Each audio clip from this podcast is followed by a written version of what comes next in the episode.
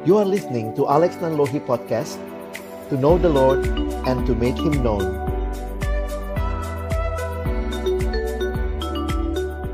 Selanjutnya, kami serahkan kepada Bang Alex.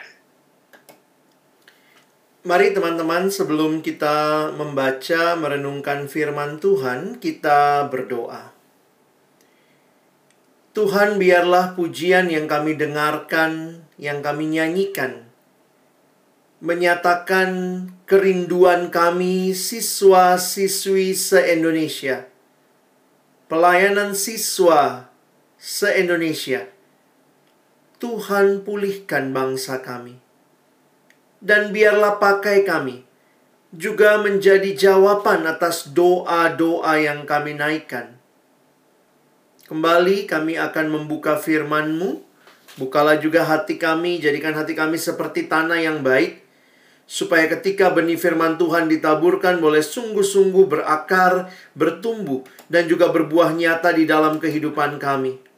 Berkati baik hambamu yang menyampaikan firman, setiap kami yang mendengar, Tuhan tolonglah kami semua, agar kami bukan hanya menjadi pendengar-pendengar firman yang setia, tapi mampukan dengan kuasa dari rohmu yang kudus, kami dimampukan menjadi pelaku-pelaku firman-Mu di dalam kehidupan kami, di dalam masa muda kami.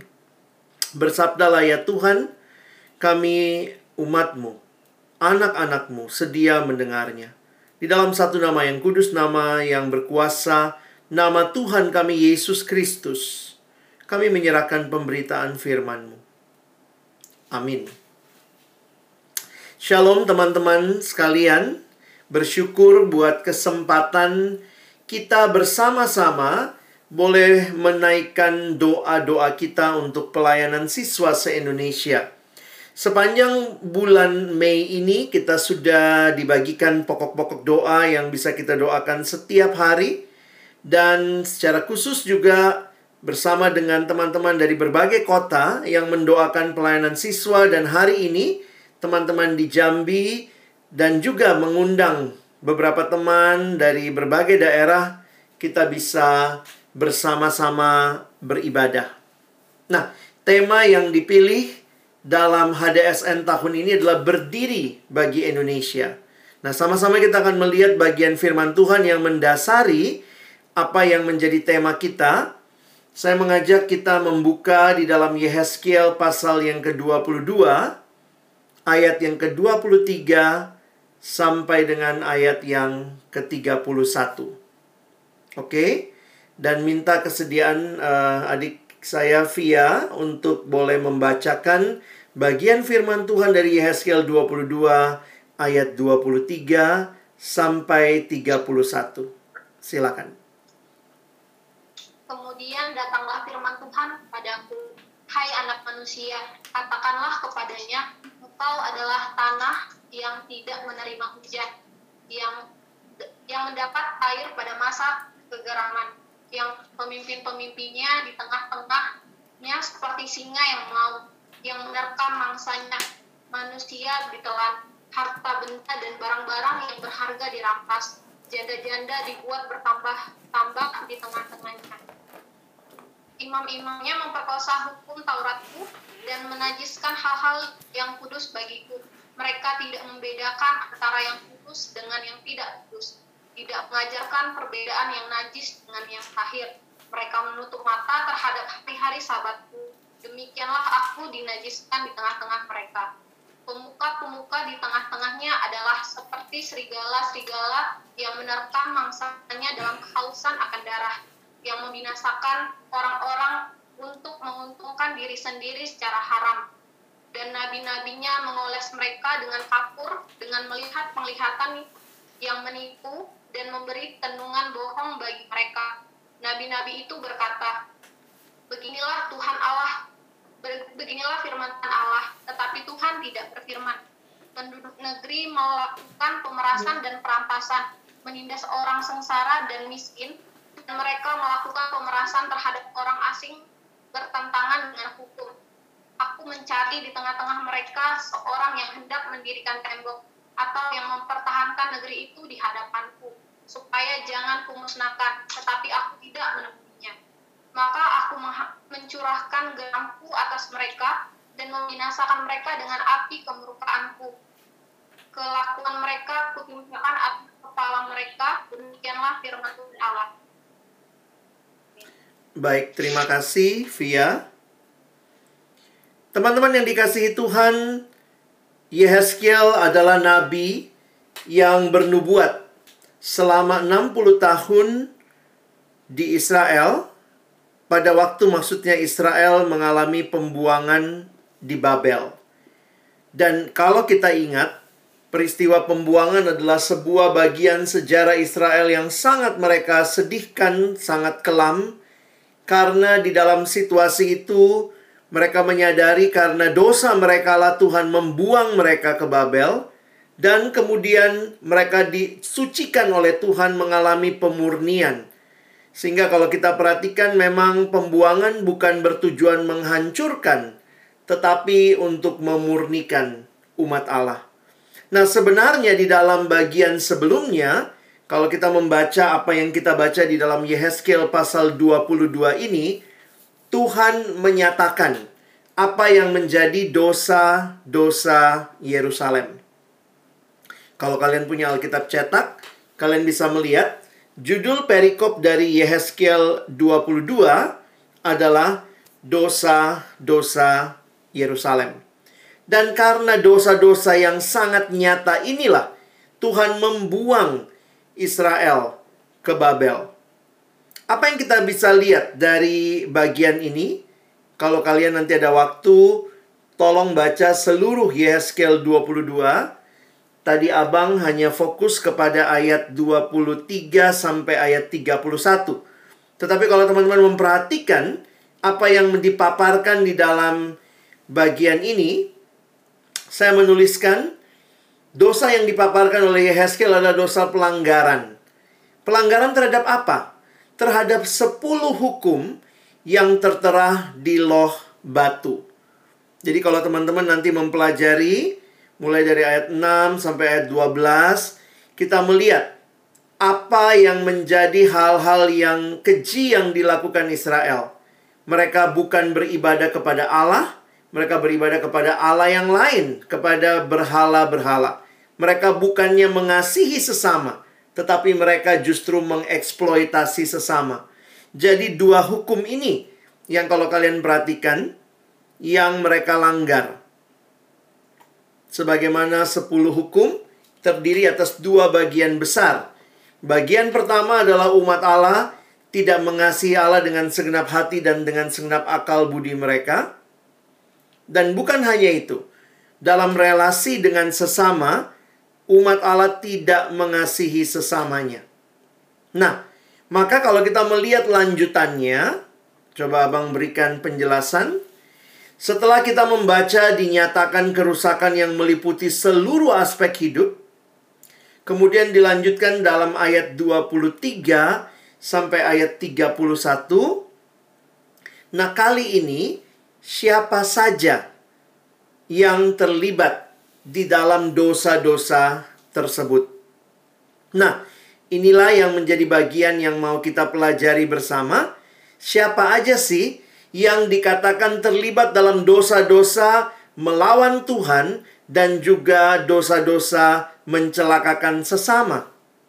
Nah, teman-teman lihat gambaran yang diberikan di ayat 24. Ini sebenarnya kalau kalian mengerti tentang padang gurun yang tandus, ini gambaran yang sangat mengerikan. Engkau adalah tanah yang tidak menerima hujan, tidak mendapat air pada masa kegeraman. Nah, siapa saja yang terlibat di dalam dosa, kemunafikan, kehancuran Israel ini? Mari kita lihat mulai dari ayat 25.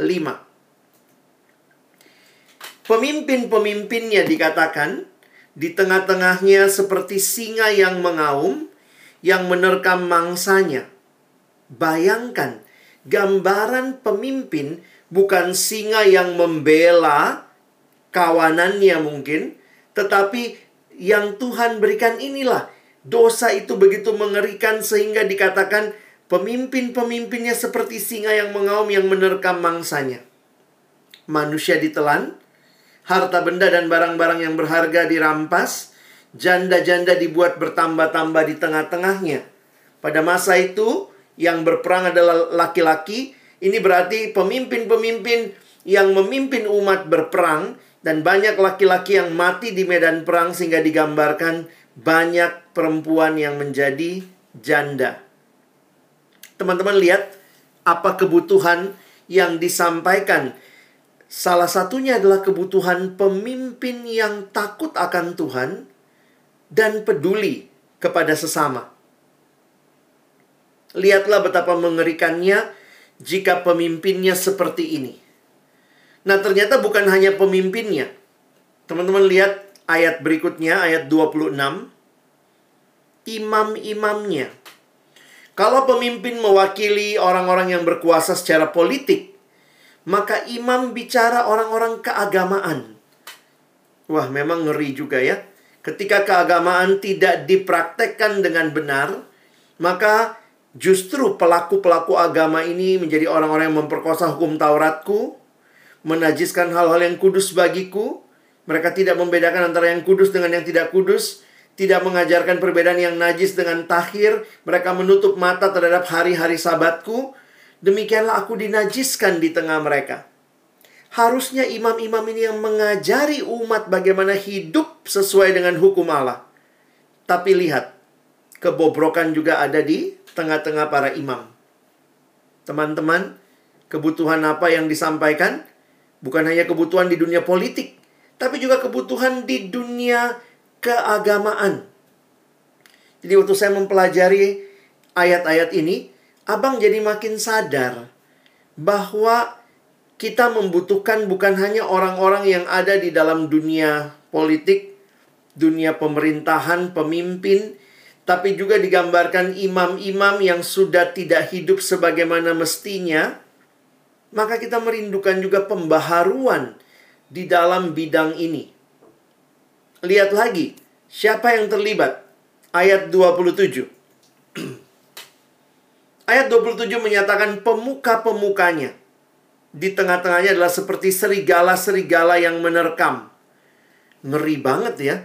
Tadi yang digambarkan Pemimpinnya singa.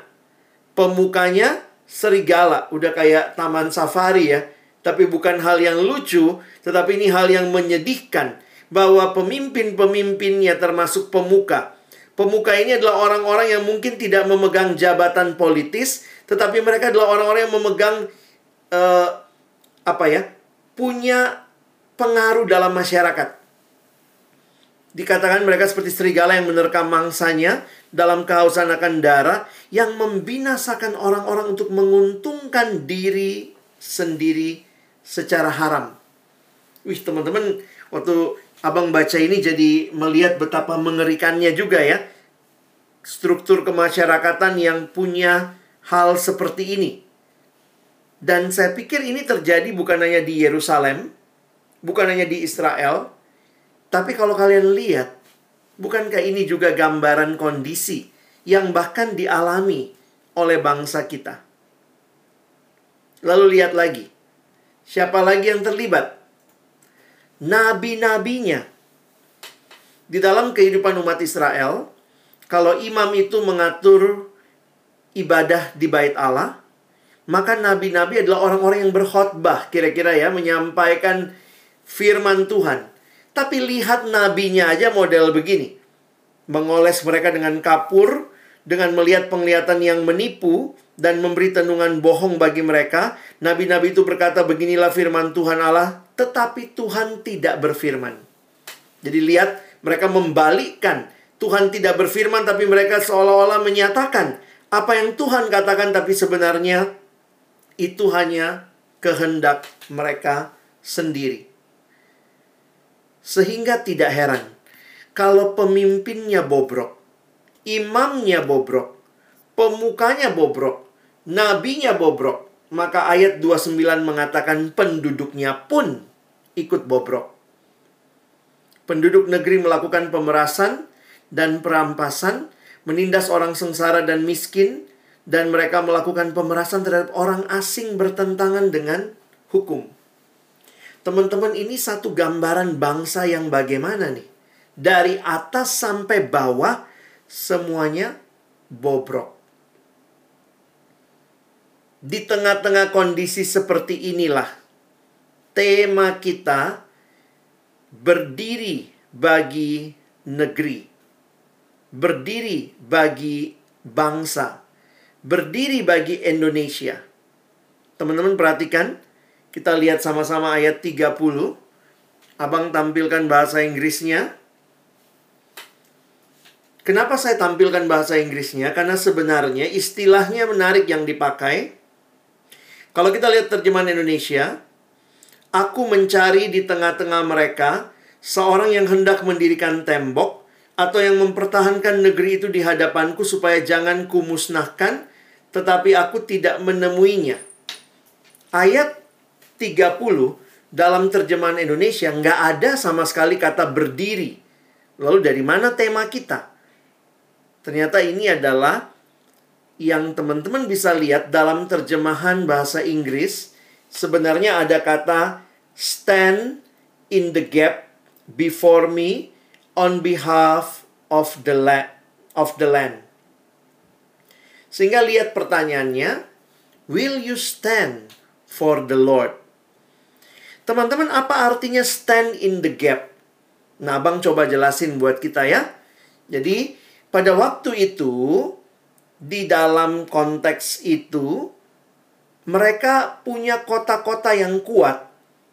Kota-kota yang kuat ditandai dengan adanya tembok kota.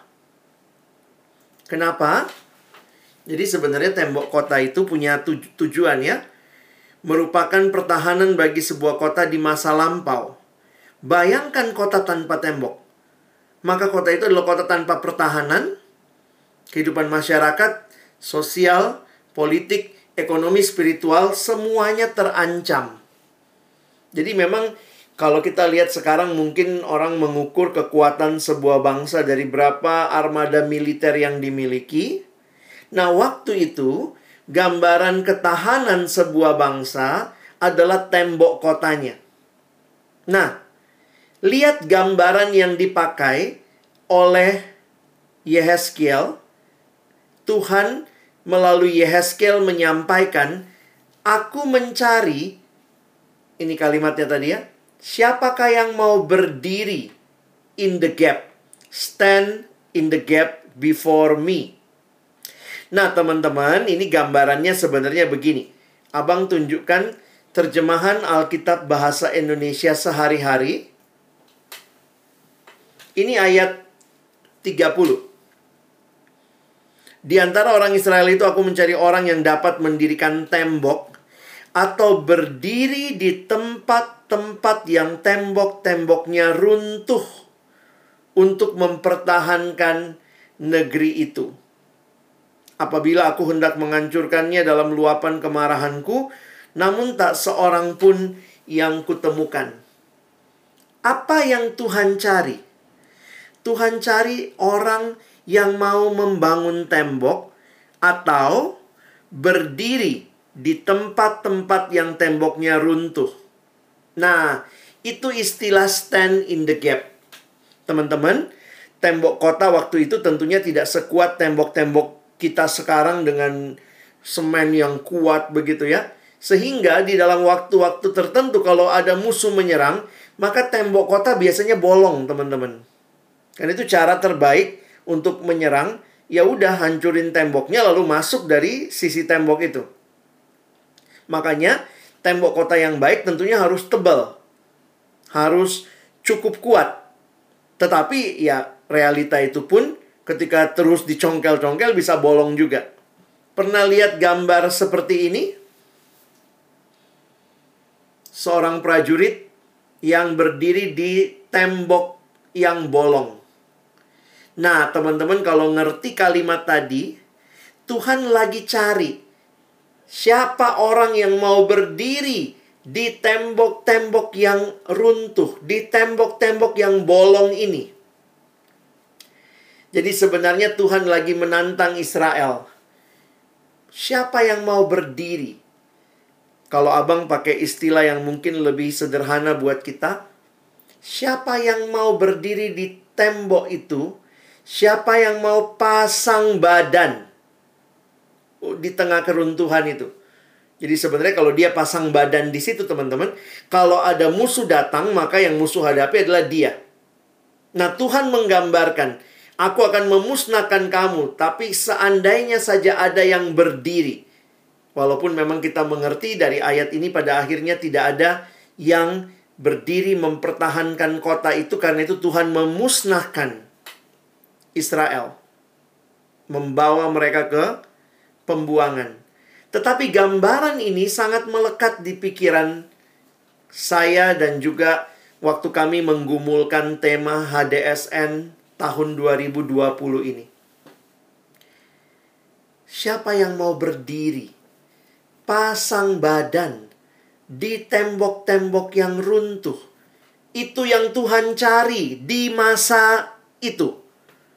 Dan sekarang ini, di Indonesia, Tuhan mencari secara khusus dari kalangan siswa. Siapa yang mau berdiri di tembok-tembok yang hancur di bangsa ini?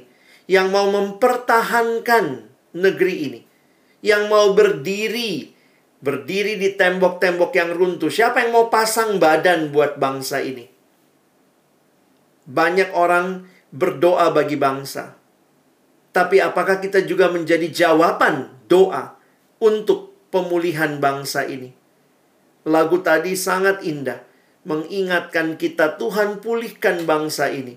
Tapi saya berdoa kiranya Adik-adik siswa sejak kalian siswa kalian berkata kepada Tuhan dalam hatimu dan melakukan dalam tindakanmu.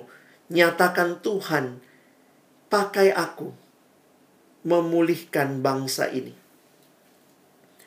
Teman-teman, sadarkah engkau bahwa sebenarnya Tuhan pun sedang menyiapkan kamu mengerjakan sesuatu dalam hidupmu sampai hari ini bagi Indonesia.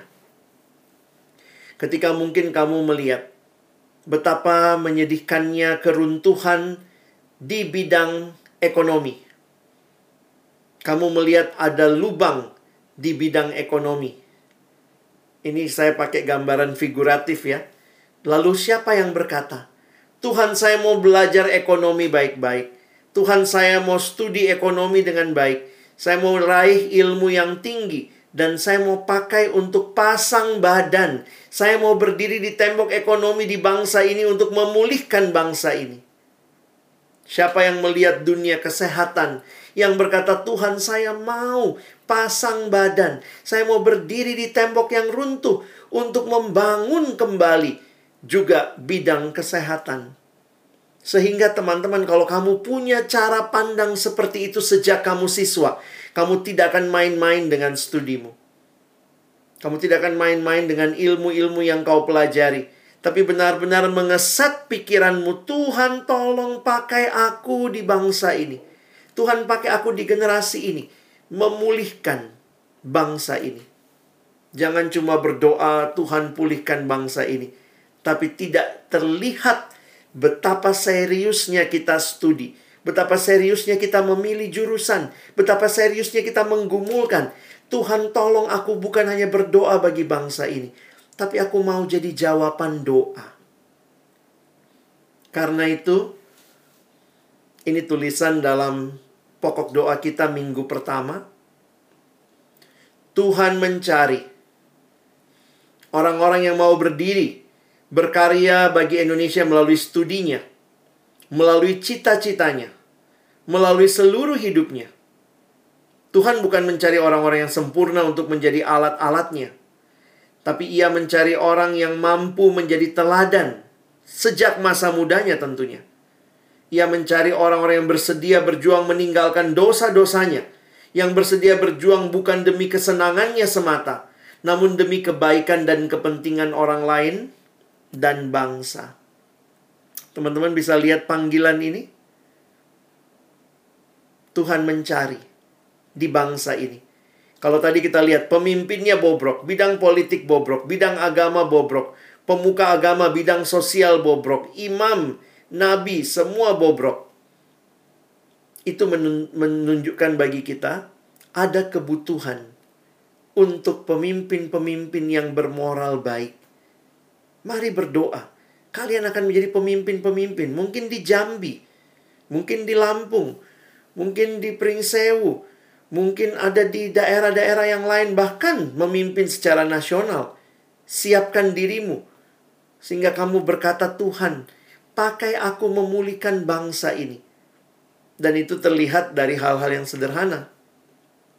Mulai kerjakan tugas dengan baik, perhatikan dengan baik ketika guru mengajar, belajar bukan hanya di dalam kelas, tapi juga punya semangat belajar secara pribadi dan ketika siswa-siswi yang ada dan dilayani dalam pelayanan perkantas menangkap dengan jelas bagian ini. Saya pikir di sinilah kita berkontribusi bagi bangsa ini. Tahun ini, tema HDSN adalah berdiri bagi Indonesia. Itu menjadi tema yang kami rindukan, boleh ditangkap dengan jelas sejak masa siswa. Lihat tembok-tembok yang runtuh di bangsa ini dan siapkan dirimu membangun tembok itu, berdiri stand in the gap sehingga melalui engkau, melalui kerinduanmu dan cita-citamu. Seperti lagu yang mengatakan Tuhan inilah hidupku, kuserahkan padamu segala cita-citaku dan masa depanku, semuanya untuk kemuliaanmu membangun bangsaku. Kiranya HDSN tahun ini, ketika kalian berdoa, siapkan diri bukan hanya berdoa, tapi berkatalah dalam hatimu, Tuhan tolong aku jadi jawaban doa, membangun bangsaku, mulai dari tempat di mana engkau menghadirkan aku. Siswa, engkau masa depan bangsa. 10-15 tahun lagi atau 20 tahun kemudian, Kalian yang siswa yang akan memimpin bangsa ini. Kalau kalian main-main dengan dosa, hidup dalam dosa, maka bisa dipastikan 10-20 tahun ke depan bangsa kita akan lebih berpesta pora dengan dosa. Tapi kalau kalian sungguh-sungguh siapkan diri dengan ilmu yang tinggi, hati yang diserahkan kepada Tuhan, iman kepada Yesus yang bertumbuh, maka saya berdoa 10-15 tahun ke depan ada harapan bagi bangsa kita. Karena ada siswa-siswi yang sejak masa mudanya, masa remajanya, masa siswanya benar-benar menaruh bangsanya di dalam hati, berdoa dan berkata, "Tuhan, aku mau berdiri bagi bangsa ini." Kita akan berdoa banyak hal, tapi kiranya firman Tuhan ini menggelorakan hati kita untuk benar-benar melihat kepada rencana Allah. Mari kita menutup di dalam doa untuk perenungan firman Tuhan. Tuhan biarlah firman-Mu kembali menyegarkan hati kami untuk kami di generasi ini berdiri bagi Indonesia. Kami terbiasa menaruh beban yang dalam tentang bangsa kami, mendoakan bangsa ini dan sungguh-sungguh meresponi dengan berdoa dan memberi diri menjadi orang-orang yang membangun bangsa ini bagi kemuliaan Tuhan. Sejak siswa, kami tahu tanggung jawab kami. Saat-saat seperti ini ketika WFH, ketika PJJ, study from home, biarlah itu juga tidak terlewatkan begitu saja. Tapi benar-benar kami bisa bertanggung jawab dengan waktu-waktu yang Tuhan berikan. Di tengah situasi seperti ini, kami terus boleh jadi orang-orang yang tampil, bukan mempermalukan Tuhan, tapi sungguh-sungguh mempermuliakan Tuhan. Hambamu selesai berbicara, tapi hamba percaya Tuhan akan terus berbicara dan memanggil siswa-siswa di setiap generasi untuk datang kepada Tuhan dan boleh menjadi laskar-laskar Allah yang berdiri bagi bangsa ini di tengah-tengah kondisi apa pun yang dialami. Tuhan, tolong kami. Bukan cuma jadi pendengar firman, tapi jadi pelaku-pelaku firman. Dalam nama Tuhan Yesus, kami bersyukur, kami sudah berdoa. Amin.